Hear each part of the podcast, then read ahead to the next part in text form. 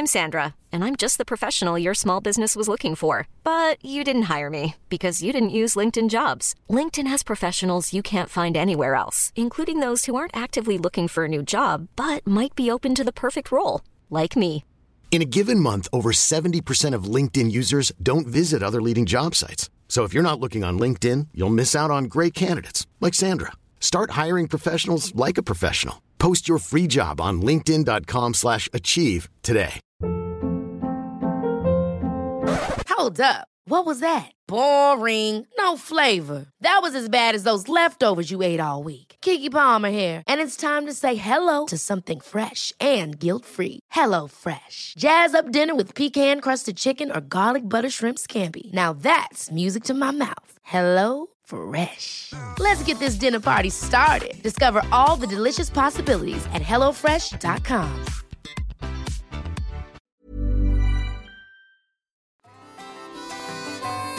Hej och välkommen till Toppenjakt! Eh, mitt namn är Karl Efraim Zackari Wahlström och eh, idag är det jag och Lex som pratar. Hej Lex! Hej, jag heter Lex. Alltså vi har valt, jag har ett väldigt, väldigt långt namn och du har ett väldigt, väldigt kort namn. Ja. det, där, Ja. det blir aldrig tråkigt med våra Nej. namn. Du, eh, hur är läget? Det är bra med mig. Familjen eh, är sådär, de har vattkoppor. Åh nej. Ja, det är så jävla tragiskt när man har... Eh, ja, när det är blöjålder. Ja. Alltså det är fan ingen lek alltså. Det, men hon verkar inte bry sig så himla mycket. Men det blir...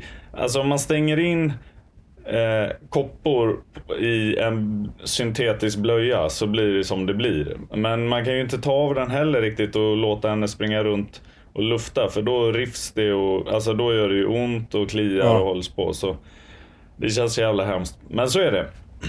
Gud vad, vad alltså och hur liksom... eh, kan ni prata med henne om det eller? Att det kommer gå över eller? Ja, men, eh, ja, alltså. Nej, nej, det kan jag väl inte riktigt. Men man kan ju, det går ju att trösta och vara förstående och sådär. Men Ja.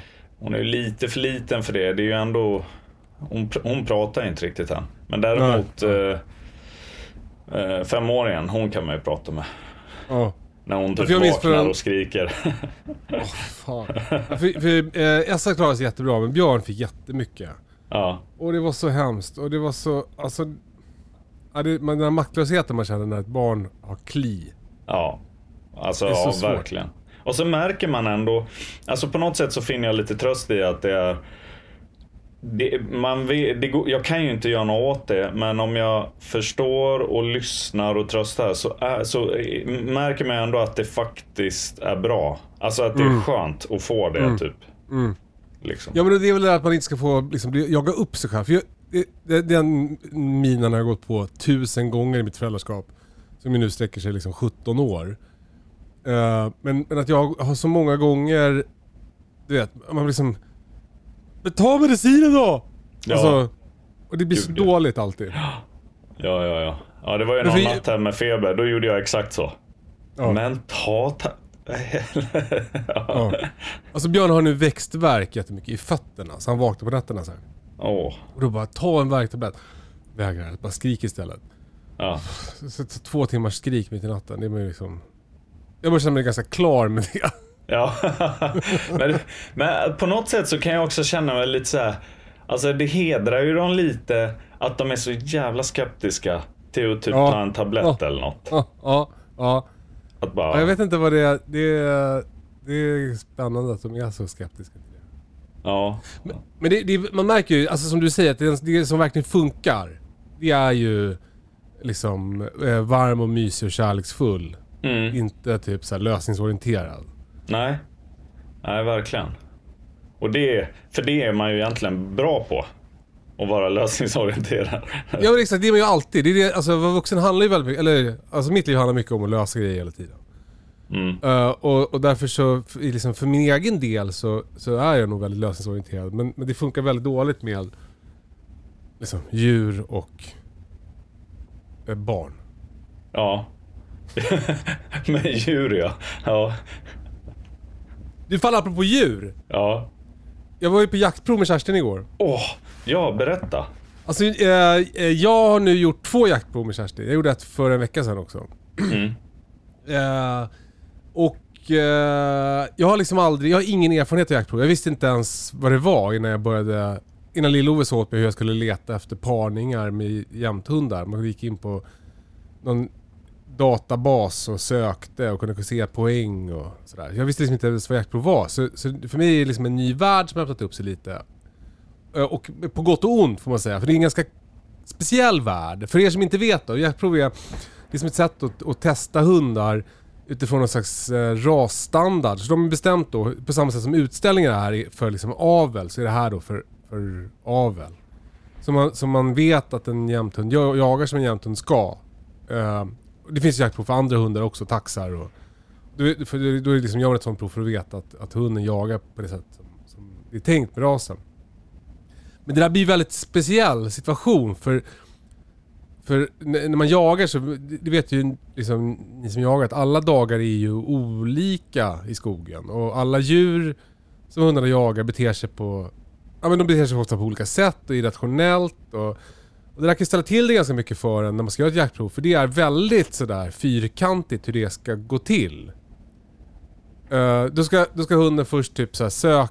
Nu, alltså nu kommer ni kanske bli arga för att jag säger fel, men då, då, jag parafraserar. Först ska hunden göra eh, några sökrundor. Eh, och, och de ska helst vara, om det är över 800 meter bort ska de vara. Eh, och sen ska de komma tillbaka och då ska man kunna få kontakt med hunden. Och sen så ska den helst då hitta älg. Och då ska den hitta älg inte för nära utan ganska långt bort. Eh, helst ska det bli ståndskall i upptaget på en kilometer så att det blir ståndskall direkt när... Jag måste bara flytta på en katt så hon inte stänger av. Så. Kanske du får vara på golvet lite. Uh, Uh, då ska den hitta eh, älg på en kilometer då. Och så ska det bli ståndskalle upptaget, alltså att hunden börjar skälla på älgen direkt och det bara blir kvar där. Sen ska man gå in och så, eh, ska, då ska den skälla i 90 minuter, alltså en och en halv timme. Sen ska man gå in och stöta för att få eh, ekipaget, alltså hunden och älgen att flytta på sig. Sen ska det bli ståndskall igen och så ska den skälla minst 30 minuter. Nu börjar jag kanske skriva ut någonting här. Min katt. Hörru, Katten sluta! skriver ut någonting. Åh. Eh, men men där, ni har ju själva, och sen ska man då kunna kalla in från ståndskallet och man ska komma till ett skottillfälle och det, alltså det är ganska mycket som ska stämma för att det ska gå bra på ett jaktprov märker man. Det, det räcker liksom inte... Båda domarna har sagt så här. som jag brukar säga, man behöver inte ha tur när man gör ett jaktprov men man får inte ha otur. Så, så, det hade båda som sin, som jag brukar säga, sägning. Jaha. Eh, men... eh, eh, så, alltså, så det blir väldigt mycket tillfälligheter som avgör. Hör man, det hör man ju när jag berättar. Alltså att älgen, ska, hon, ska hitta en, hon ska inte hitta en älg för snabbt. Men sen så ska hon hitta en älg och då ska den vara helst långt bort och så ska det stå still, ja ni vet. Och, så, och, och det så kommer det någon jävla bil och så börjar de springa och så blir det, ja ni vet hur, hur det kan gå när man jagar. Eh, Så lite så har det liksom gått. Första, första provet då, då, då hittade Kerstin älg för snabbt. Alltså det blev inga sökrunder innan eh, innan det blev upptag. Du släppte Och när- henne och så gick hon till en älg. Och så... Alltså hon sprang, till, hon, precis, hon sprang eh, om det var 400, 300, 400 meter till en älg. Så det blev aldrig någon, sök, någon sökrunda överhuvudtaget. Eftersom vi var så nära älgen så den hade vi nog koll på oss. Vi hade ju stannat bilen och slamrat och. Så, så den, den ville ju inte vara kvar där. Och det som är också att från upptaget, alltså från att älgen hittas så har man fem timmar på sig. Eh, fem timmar provtid. Och då ska man hinna med till- allt det där. Ja. Då ska man hinna med att det ska bli stå, ståndskall i 90 minuter, sen ska man göra stöt och så ska det skällas i 30 minuter. Och sen om det ska bli riktigt fint tror jag, då ska det stötas igen eller om det ska stötas igen. Mm. Det Mm. låter bekant. Ja, precis. Eh, och det var ju... Ja precis, och då, det, det som hände då var att, att Kerstin hittade den här älgen, den började springa. Och sen sprang den skitlänge. Uh, ja, alltså jätte, jättelänge. Och sen blev det ståndskall. Mhm. Men- alltså men- första provet nu. Ja precis, första Ja. provet. Eh, men så, så då, då, då liksom hann tiden ta slut. Alltså det, när det hade gått 90 minuter då, då var det typ en halvtimme kvar på provet bara. Ja. Så, så för hon hade förföljt den så länge då. Så hon, förföljandet fick hon jättebra betyg på. Men hon fick liksom dåligt, då, då hann hon inte göra alla moment. För vi hann inte stöta och omställa om för att då var, då var tiden redan ute. Just det. Och det där, alltså, det där kan man hålla på att bli besviken för såklart. Men, men jag känner så här, hon gjorde ju exakt vad hon skulle. Hon hittade en älg, och hon, hon sprang efter den tills den stannade. Och så skällde hon på den och så kunde jag gå in och så hade jag kunnat skjuta den. Just det. Så, så det var ju toppen. Liksom. Ja. Men, men eh, hon kommer inte, hon får inte, då inte första pris. Sen heter det så här, första pris, det är olika poäng man får. Man får poäng på eh, eh, hörbarhet i skallet och skallfrekvens och tusen olika grejer som man får poäng för. Men, men så det, det, det blev det inte den gången. Men igår så gick det mycket bättre. Alltså då hade jag då tur med, med, med älgen. Så då, då var det först att den, alltså först så- var den in, det fanns ingen älg först så att hon fick några sökrundor. Och, och en grej som var så mäktig också var att hon kom förbi mig när hon hade sökt. Det brukar inte hon göra annars. Hon brukar alltid liksom bara Hon drar. fortsätta. Ja. Så att, så att jag, liksom, jag lyckades till och med då med inkallning under sök. Jag, det trodde inte jag att jag skulle fixa. Och sen skällde hon på älgen och så stötte vi den och så, så skällde hon igen och så stötte vi och så... Sen tyvärr då så... så kunde jag inte kalla in henne från ståndskallet och... Eh, eh, man, har, man har liksom en timme på sig efter att provtiden är slut att få in hunden.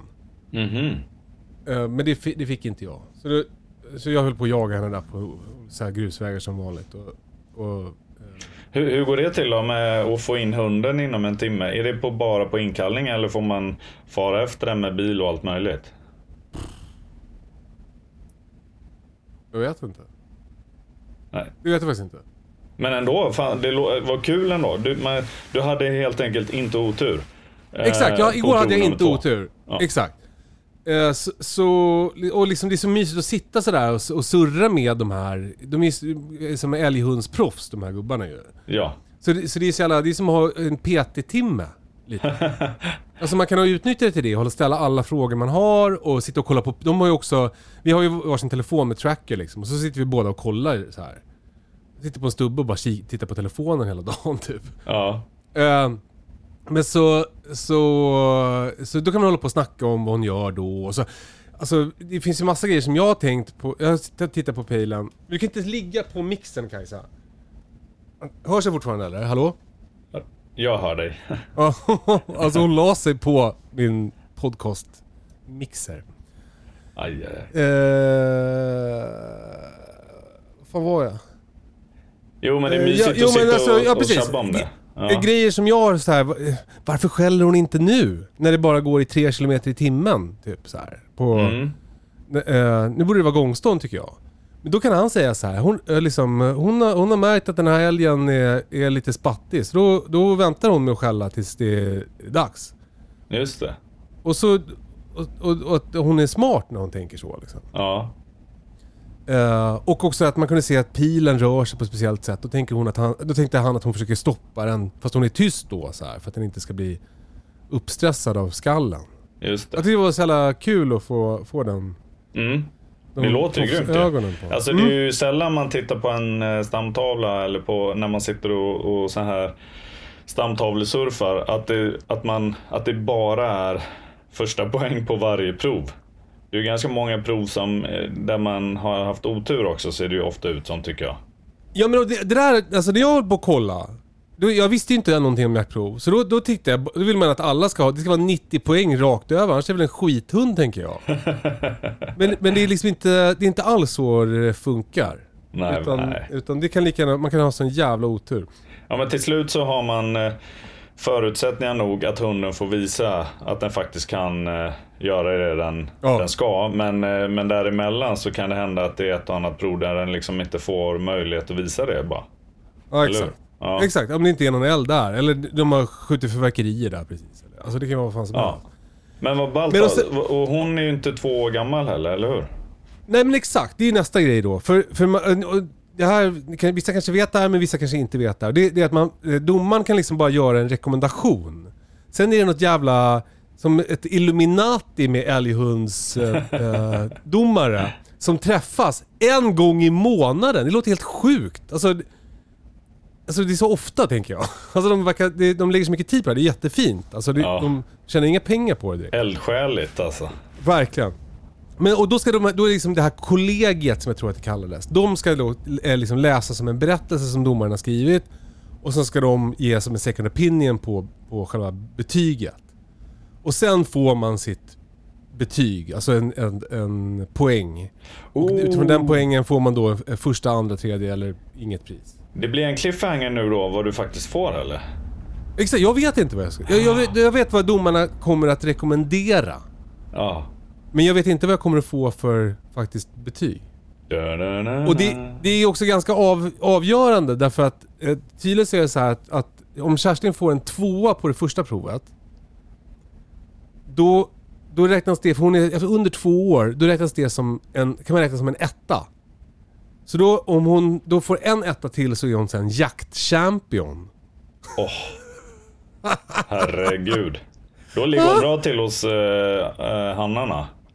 Exakt. Ja. Ja, jag, jag vet inte varför det blir viktigt för mig plötsligt det här. Alltså det spelar inte mig någon roll egentligen. Men, men för jag tror inte att... Alltså, alltså jag tänker, och det är kanske är viktigt om man så här, vill, om man eh, behöver kunna sälja massa valpar och sånt där. Men jag tänker, jag har ju så mycket följare på Instagram. Så jag tänker, det kommer inte vara svårt att sälja några valpar. Nej. Så nu vet jag inte riktigt varför jag håller på. Men, men, är, Men, nu, eh, nu är jag ju som taggad. Det är väl också snyggt att göra det. Du, du har ju ändå... Kerstin kommer ju från bra linjer eller vad man ska säga. Det är väl också Ja. snyggt mot uppfödare och sånt. och Att man, man förväntas väl också gå några jaktprov eller? Ja precis. Ja exakt. Så, ja, exakt. Det, det, det är väl så det är. För, upp, för inga uppfödaren. Ja. Eh, så... Ja men det, det, är, eh, det, det, det, är, det, är sant. Det är, det är nog mycket för det också. De ska kunna visa upp sig. Kolla vad vi levererar mycket bra hundar Ja. från vår kennel. Ja, men ändå kul ju. Alltså, alla, alla de här jaktdagarna fram till nu med henne och även alla gånger som hon har smugit iväg och skällt en älg någon natt eller sådär. Ja, ja. På eget bevåg. Ja. Det, nu, det är ändå lite som en, eh, inte en återbetalning, men det blir ändå liksom lite kvitto på... Det är ju skitkul tycker jag det låter som. Ja men det är så mysigt när det är så här liksom, eh, några proffsiga gubbar som, som jag känner som då skriver de så här, eh, bra, alltså bra jobbat så här. Alltså Ja. typ som att de tänker, alltså att jag faktiskt har gjort ett bra jobb med Kerstin. Det känns ju jättemysigt att tänka. Ja, verkligen. Ja. Kul. Ja men det om det. Men då är det där att då skulle man helst vilja få göra ett till prov i år. För då blir hon då jakt... Skulle hon kunna, om allt går vägen eh, och så vidare, stjärnorna står rätt, så skulle hon kunna bli jaktchampion första säsongen liksom. Det låter ju så jävla mäktigt. Men, men det, de har stängt anmälan för i år, så det kommer inte bli något... Det blir ingen mer jaktprov den här, den här säsongen, utan det får bli i höst. Just det. Men då har det ju Och då- gått om tid. Ja precis. Och då ska jag också göra två utställningar till. Och då... För då kan hon bli dubbelchampion. Då är hon utställningschampion. Och eh, jaktchampion. Oj, oj, oj. Sen kan man åka till Norge och till Finland. Jajamän. Och i Norge måste man göra två, någon jävla två dagars prov och i Finland måste man göra typ fyra prov eller vad fan det är. Då har man sen en nordisk jaktchampion. Kan du ställa ut henne? Kan hon bli nordisk dubbelchampion? Ja, ja, jag tror det. Alltså för han, han domaren igår, han hade haft den mest meriterade karelaren eller något sånt där någonsin i världen. Den mest meriterade hunden kanske till och med. Då hade han hållit på så här, åkt på utställningar i Estland och Lettland och Litauen och... Alltså du vet, man bara samlar ihop så många olika utmärkelser som möjligt. Men till slut blir det ju lite så här. Om du nu har ställt ut hunden ett par gånger och den är så här. Vad är det bästa? Är det typ excellent eller någonting? Då är Ja, den ju ja. det. Kan, Ja, precis. Det, det är som att åka runt och visa upp en... en Kolla en, vilken stor kuk jag har. Liksom. Ja, den är Ja. lika fin här. Eh, ja men det, det jag, jag känner mig såklart glad efter igår. Så det, Ja. och, och liksom, eh, Kerstin fick extra god mat och, och uppfödare Inge smsade mig sent i natt och sa att det var så kul och så här. Så han, han har liksom, ja, antingen var uppe och fira eller vaknat och varit peppad. Ja, just Eh, det. så, så, eh, ja det känns väldigt bra. Alright. Eh, ja men kul Kalle.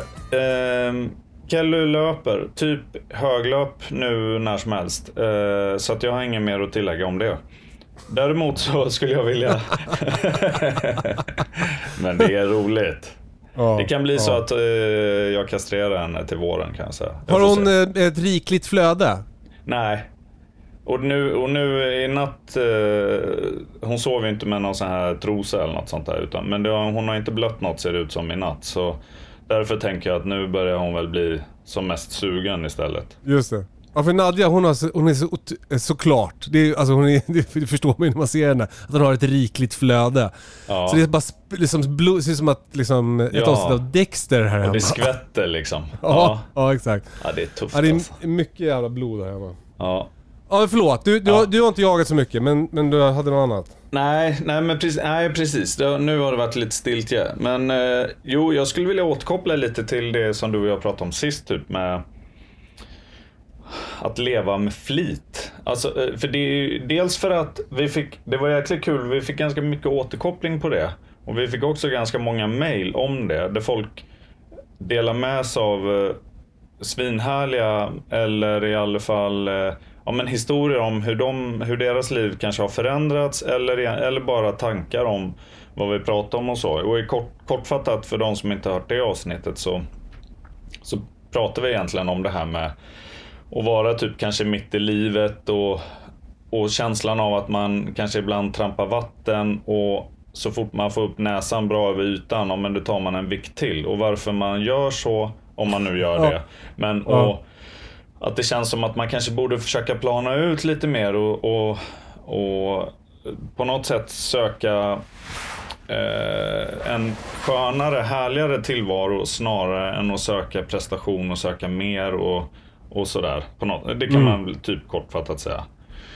Eh, och vi fick en massa återkoppling som sagt. Och ganska mycket ska jag säga eh, var att många har som ett före och ett efter. Av de som delar med sig. Jaha. Eh, alltså flera stycken har eh, mejlat och berättat om hur de har, kanske känner igen sig i det vi pratar om och hur de själva har förändrat sitt liv. Eh, till kanske då som de upplever, till det bättre. Där de kanske Ja. känner att de kan stanna upp lite mer, eh, leva lite mer i nuet. Eh, de har gjort medvetna val om eh, vad de arbetar med, vart de lever, vad de tar på sig, vad de säger ja och nej till och hur, hur mycket tid de har till exempel med, med sin familj eller med det de kanske, det som får liksom eh, deras själ att sjunga så att säga. Ja. Och, och som sagt, många har ju ett före och ett efter verkar det som. Och det finns Alltså, ganska... ett, det är som ett... ett, eh, det tycker jag är, om man, om man liksom eh, utforskar så här självhjälpssvängen lite. Alltså, det, det är ofta det där uppvaknandet. Det känns som en, ett tema. Ja, Alltså ett före och efter. Ja, men lite så. Och, och, jag, och, och inte sällan så är det någonting, eh, verkligen typ en händelse eller något skeende på något sätt som har, har påverkat det. Och, och inte i, i, inte sällan så är det ganska tuffa grejer liksom. Men som också har exempel? ställt allt, det har liksom ställt deras liv på dess spets så att säga. Där de har liksom Ja. ifrågasatt lite, okej vad som är viktigt och inte. Och sen kanske då eh, gjort förändringar som de har delat med sig och så. Och det är ju superinspirerande. Ja. Eh, Har, du något exempel på någon som... Du vill inte säga namn? ja, absolut. Till exempel så eh, en person som delar med sig av, om man nu vet så här, prestationsliv eh, skulle jag väl beskriva det som. Alltså prestationsjobb, eh, mycket träning på fritiden, eh, mycket liksom intressen, små barn, fullt ös med det och så plötsligt typ få en hjärnblödning. Helt oväntat. Och bara liksom klarar, rider ut det där bra som, som väl är, men får väl ändå en så här reality check liksom att shit. Är det verkligen, ska det vara så här? Ska man få en hjärnblödning när man är 37 för att man bara kan, det, jag vet, vad vet jag? Det, jag har inte hela historien, men, men låt oss säga att det kan ha med livsföring att göra bland annat då. Ja. ja. Och, för det kan ju vara medfödda grejer med, man påverkar inte alltid det. Men, men i alla fall flera sådana historier då som där, där man har förändrat sitt liv på något sätt och försökt att helt enkelt städa lite. Man har kanske rannsakat sig. Okej, okay, vad är viktigt för mig? Vad, vad mår jag bra av? Vad, vad värderar jag högst? Och vad, vad kan jag liksom ta bort? Vad kan jag säga nej till och vad kan jag sluta med? Och mm. vad ska jag börja med och så. Och det, mm. det är skithäftiga historier. Um, och något som ändå är lite så här härligt också, lite återkommande, det är ju det här med Då kommer man in lite mer på typ Det handlar inte så himla mycket om vilket jobb du ska ha. Utan hur du vill jobba och så här. Alltså i andras ja. historier. Och så är det väl i mina tankar med. Att det handlar mer om själva känslan med saker. Och då, mm. eh, likaså är det det här med sårbarhet. Att det blir återkommande i många eh, av de här berättelserna. Och det, det, är ju jäkligt inspirerande tycker jag. Alltså det var någon som beskrev ja. det ganska enkelt som bara att säga hej, säga att jag älskar dig och dig med och så vidare. Kunna säga förlåt.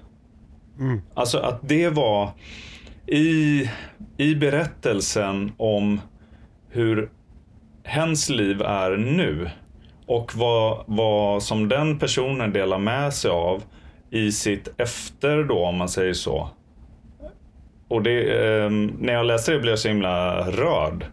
Eh, mm. Det är ju någonting som vi, eh, men som du och jag till exempel eh, och, och, och, några vänner till oss pratar om ganska mycket liksom. Mm. Ehm. ja, för det, det, känns ju som att den där liksom eh, eh, livskrisen är väl som en, alltså livskris då ett, som ett, ett, att det händer någonting. Alltså en hjärnblödning till exempel. Mm. Jag, nu bara släpper ni sig, jag har inte haft en hjärnblödning, jag vet ju inte. Men, men att det, det känns som att den där när man liksom tvingas till att tappa kontrollen över livet lite. Mm. Och bli som ödmjuk inför dess förgänglighet och... Mm. Alltså att man inte tar det för givet lite. Nej det, det, tror jag, det, det, det, känns som att det, att det är en genväg till sårbarhet och ödmjukhet. Men ja. drömmen vore ju att kunna komma dit utan att behöva få en hjärnblödning först. Precis.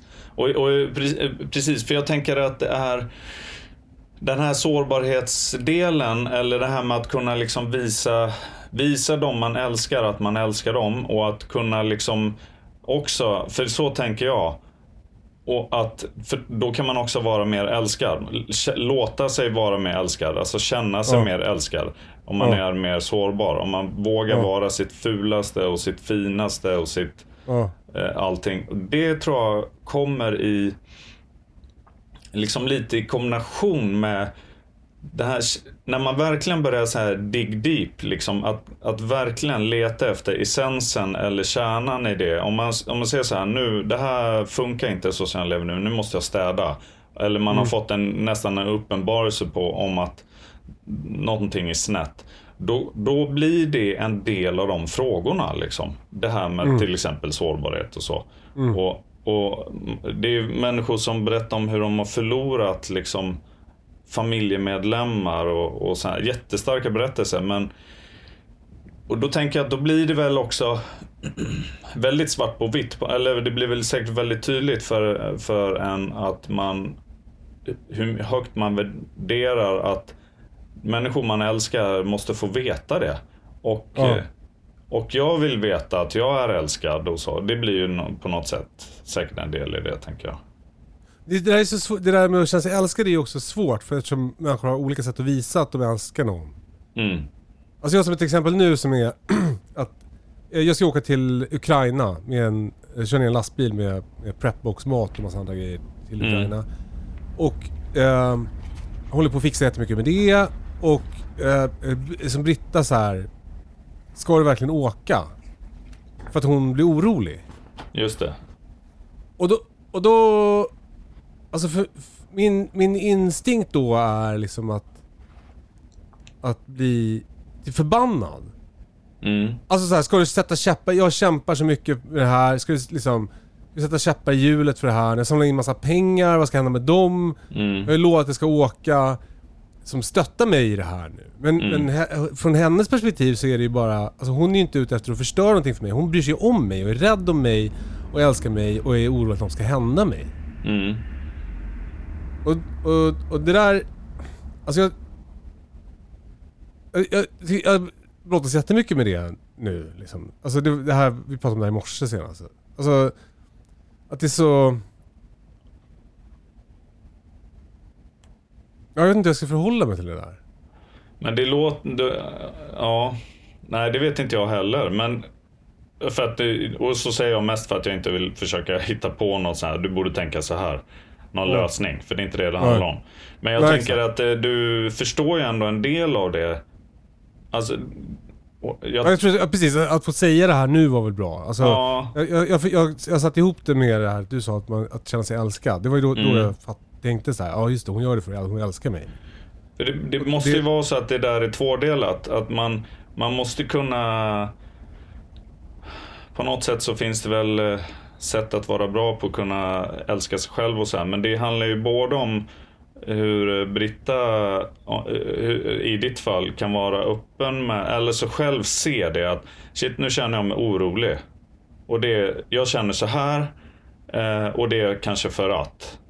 Ja. Eh, och lika så som att du då, den andra delen av det är ju att du också kan se Kan det vara så att hon reagerar på det här sättet för att Alltså, och det där Ja, men- tänker jag att man blir bättre på ju mer man kan också prata om det ganska så öppet eller vad man ska säga. Då, då måste man vara sårbar för varandra liksom.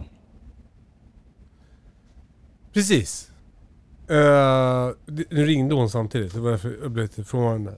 Uh, exakt, ja, men och, och det där att kunna säga det på ett bra sätt är ju hela, är ju hela nyckeln. Alltså för att, Mm. för att eh, hon, hon gjorde nog inte riktigt det jobbet, att hon var så noga med att säga vad det var egentligen. Alltså säga sin känsla, Mm. prata jag-budskap och så här. Utan för henne blev det nog mer typ så här. Men du kan ju inte utsätta dig för det här när du har familj. Alltså sådär, att det blir liksom en det. anklagan. Och, då, och då, då är det ju väldigt svårt, alltså då är det ju nästan omöjligt att inte gå i försvar. Eller ja, för mig är det nästan omöjligt att inte gå i försvar då. Ja. Men, men sen så liksom, så, så, ja, men så kom morgonbestyren emellan och vi delade på och så höll på och fixade och klädde på barn och, du vet, och då kunde jag liksom, att göra om hennes, hennes liksom, det hon sa till ett jag, alltså jag tänkte så här, hon är bara orolig. Det kändes så jävla, då kände jag mig så jävla, det känns så moget på något sätt. Att jag lyckades, att jag lyckades Ja. vända det åt henne. Eller vad. Ja, alltså bra jobbat. För det är ju det- precis. Det låter ju det så när det är man lyssnar på det. Att hon har Ja. egentligen sagt, jag är orolig för dig. Du betyder så mycket för mig så att det, det skulle vara så hemskt om någonting hände dig och sådana saker ju. Ja. Ja precis, och, hon, och, och typ så här, jag läser om en massa hemskheter som händer där. Ja. Och liksom berätta mer om det. För vi kommer inte åka någon farlig stans. Alltså, sen är, eh, det är en krigszon är en krigszon. Men vi kommer inte åka till fronten liksom. Just det. Nej. Eh, Vad, ska vi... eh, jo, en tanke. Om jag, det är ju Mm. Gärna. att jag tänker att det här med... Det är ju så fina berättelser och så, men, men jag tänker också att det, man kan liksom bestämma lite själv om det finns ett före eller ett efter på något sätt också. Det är Aha. ingenting som sker över en natt. Alltså nödvändigtvis. Men om man, om man känner så här att eh, det finns ett eh, det finns eh, utvecklingspotential för mig och mitt liv liksom på något sätt. så, här. mm. så kan man ju man behöver inte gå och vänta på att det trillar ner ett piano i huvudet på en liksom. Eh, och att, att man exakt. är med något hemskt. Utan man kan ju också på något sätt göra ett avstamp ändå. Alltså det är ju en med, vi är ju, vi är med, att, att vi är medvetna om att vi har medvetna val liksom. Blir, blir ju Och, precis, och också utvärdera lite vartefter. För det är väl lite som liksom fysisk träning. Att, att du... Alltså du blir inte vältränad av att du bestämmer dig för att börja träna.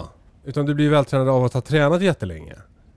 Så, Ja. så man får ju hålla på och, och liksom harva och sen så är det viktigt att inte... För det är lätt att känna sig...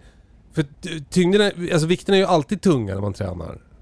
Alltså, för man lägger på mer när man blir starkare. Så, så då är det lätt att känna sig dålig eller ha en dålig dag. Men om man då liksom, har, liksom lyfter blicken lite och har lite mer ett större perspektiv. Då kan man ju se vilken utveckling som, som har skett. Och det, så kan man ju tänka med, med huvudet också. Att, ja men som till exempel nu, att, jag, att vi då pratade om den här situationen och jag då kunde säga att jag hade tänkt sådär. då blir jag medveten om att jag lyckades med någonting som jag, Ja, som jag har liksom längtat efter att kunna. Men klokt. som jag kanske i stunden inte riktigt Mm. fattade att jag kunde. Nej, just det. Och istället har jag gått och väntat på att pianot ska trilla ner i huvudet och då ska jag liksom kunna. För visst känns det bra när du, om du kommer till en sån insikt? Mm. Så Ja, jätte, jättehärligt är det ju. det blir som så här, eh, positiv förstärkning på det. Det Ja. blir säkert lättare nästa gång liksom. Ja men också liksom ett kvitto på att, att jobbet som, Ja, ja, ja. som jag gör är, betalar sig. Liksom. Vi gör ju lite av ett jobb nu. eh, Och, eh, eh, kan vi, ska vi prata om det? Ja vi kan säga vad det, vad det är. För det, det, har, det har jag pratat om någon annanstans. Ja, just det. Vi, vi, Alltså, kör, vi- vi, Ja, säg. ja, vi går ju, vad kan man säga? Vi kan, man kan säga att vi går i en gruppterapi. Exakt. Alltså precis. Och det, det som är, är ju- det som är, eh, jag inte har sagt då, det är att, att du också är med. För det, det, får du, det har ju du sagt nu. Just det. Så, så, så vi och eh, eh, två kompisar till har gått ett halvår i en liksom terapeutledd eh, gruppsurr varannan vecka. Nu är det ju risk för att det är- många stänger av podden här, men, men eh, det är ifall det känns läskigt och så. Men det, vi kan trycka på med det här tycker jag ändå. Det, jag, för mig så ser jag nämligen att det skulle, i ett längre perspektiv så kan jag tänka mig att det kommer vara ett av mina före och efter eh, grejer i livet. Ja precis, det är det jag skulle säga också om det här med före och efter. Att det är ju bara någonting du kan se när du har, i, i liksom ett längre perspektiv. Du, kan, du kommer inte känna så här. idag är mitt, nu är det efter, igår var det före. Utan det är någonting som man kommer kunna se så här. Ja fan, innan barnen föddes, det var så. Och nu har barnen, när barnen föddes, då blev det så. Alltså, Ja. då blev det efter. Ja, Men, men ja, jag håller verkligen med. Alltså den här, det har ju verkligen... Det har blivit helt annorlunda. Och jag tycker också att det här, som att vi sitter så här nu och pratar i den här podden, det är ju som en, det är ju en förlängning av den där gruppen. För att vi och, liksom övar oss på att hålla på och, prata om av våra känslor. ja Som vi, precis. som vi kanske inte har fått öva så mycket på när vi växte upp. För, nej, men för vad är igen, alltså så kortfattat så det vi gör är ju, det, målsättningen när vi började var ju just det. Att kunna vara mer, ehm, alltså hur, ska vi, hur vill du beskriva det? Vad- Egentligen vårt incitamentet till att köra igång med alltihop. Uh, nej men alltså, vi, uh, uh, jag kan säga idén var ju så här, typ, jag har gått skitmycket i terapi. Men jag tycker liksom att det, det, det jag, jag skulle behöva bli, jag, jag skulle behöva att, att terapin var med mig mer i min vardag. Och då tänkte jag så här, vilka är mer, mer i min vardag? Jo, mina kompisar. Så, så om jag hittar ett sätt att prata med mina kompisar på, som jag tycker också att, att eh, jag märker att Britta har redan det med sina kompisar. Jag tror kanske att kvinnor har det oftare med sina kompisar. Att de pratar mer noga om hur det känns och noga om Alltså inte bara säger så här, liksom, vad har du gjort i helgen? Utan typ så här, jaha hur blev det för dig då? Alltså typ den frågan. Ja, Och, och, och det, då, då tänkte jag om, jag, om jag och mina kompisar lär oss det tillsammans, då kommer liksom, att, då kommer mitt liv att förändras tänkte jag. Och, så, Ja. och så, så, så började jag fråga er om ni ville vara med. Eller först frågade jag min terapeut om det var liksom, om man, om man kan göra så här. Då, han sa att man kunde inte göra så här först. för, man, det, för gruppterapi är alltid, med främlingar är det alltid. Men, men vi kör ju då liksom med kompisar. Eh, Men, men om man ska säga målet som vi har snackat om i gruppen är väl typ så här, bli ja, men bättre, eh, må bättre och ha, bli bättre farsor, bli bättre män. Liksom. Bra beskrivet ändå. Oh, oh, För, det, för, men jag, för jag håller helt med. Och det blir ju som att man tränar på att eh, vara sårbar, man tränar på att lyssna. Man, man har eh, öron som lyssnar när man pratar om saker som annars mest diskuteras i ens eget huvud. Vilket Ja. inte leder till lika mycket bra grejer alltid liksom, när det bara är i en. Utan att man får det, det får ett helt annat värde i att komma fram till saker eller berätta saker som är både fula och fina och allt möjligt. Och, och när, när det hörs. Det blir liksom mer på riktigt liksom. Mm. Eh, Ja, men att få andras input på det också. Så Ja, ja, ja, beskriva situationer och så är det någon annan som säger så här, men det måste varit skitjobbigt för dig ju. Eller vad gud vad härligt. En grej som jag trodde var jobbig var egentligen bra för mig. Alltså. ja, för Men jag mig är tänker det också att verkligen... om Ja, Ja, kör. förlåt.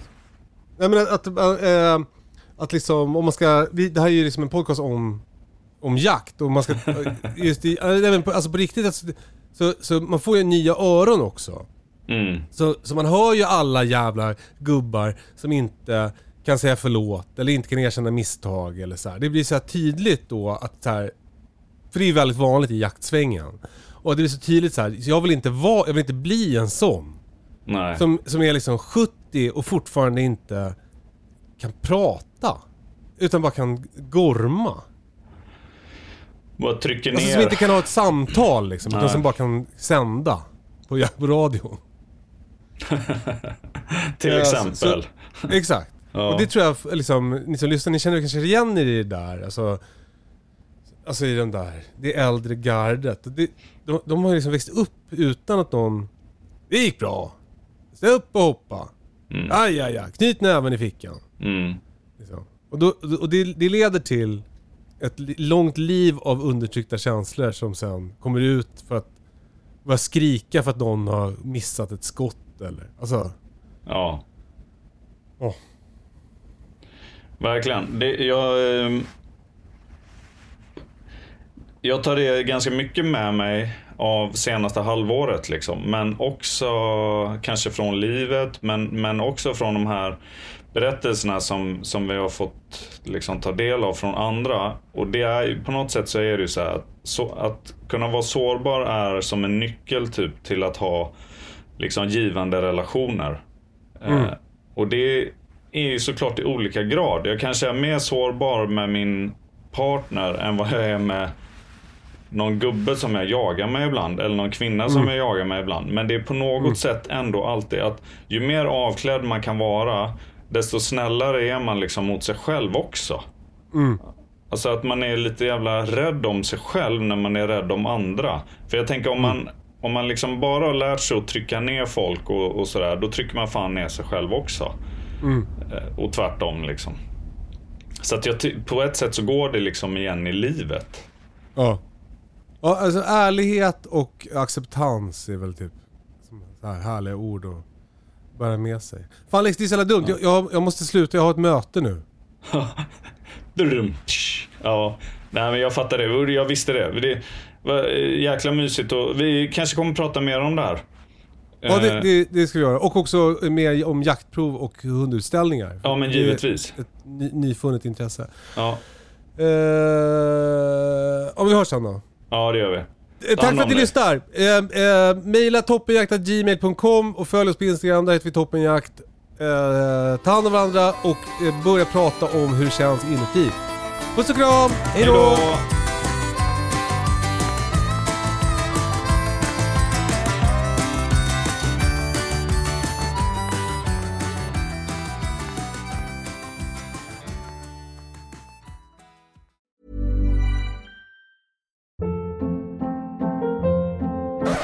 Up. What was that? Boring. No flavor. That was as bad as those leftovers you ate all week. Kiki Palmer here, and it's time to say hello to something fresh and guilt-free. Hello Fresh. Jazz up dinner with pecan-crusted chicken or garlic butter shrimp scampi. Now that's music to my mouth. Hello Fresh. Let's get this dinner party started. Discover all the delicious possibilities at hellofresh.com.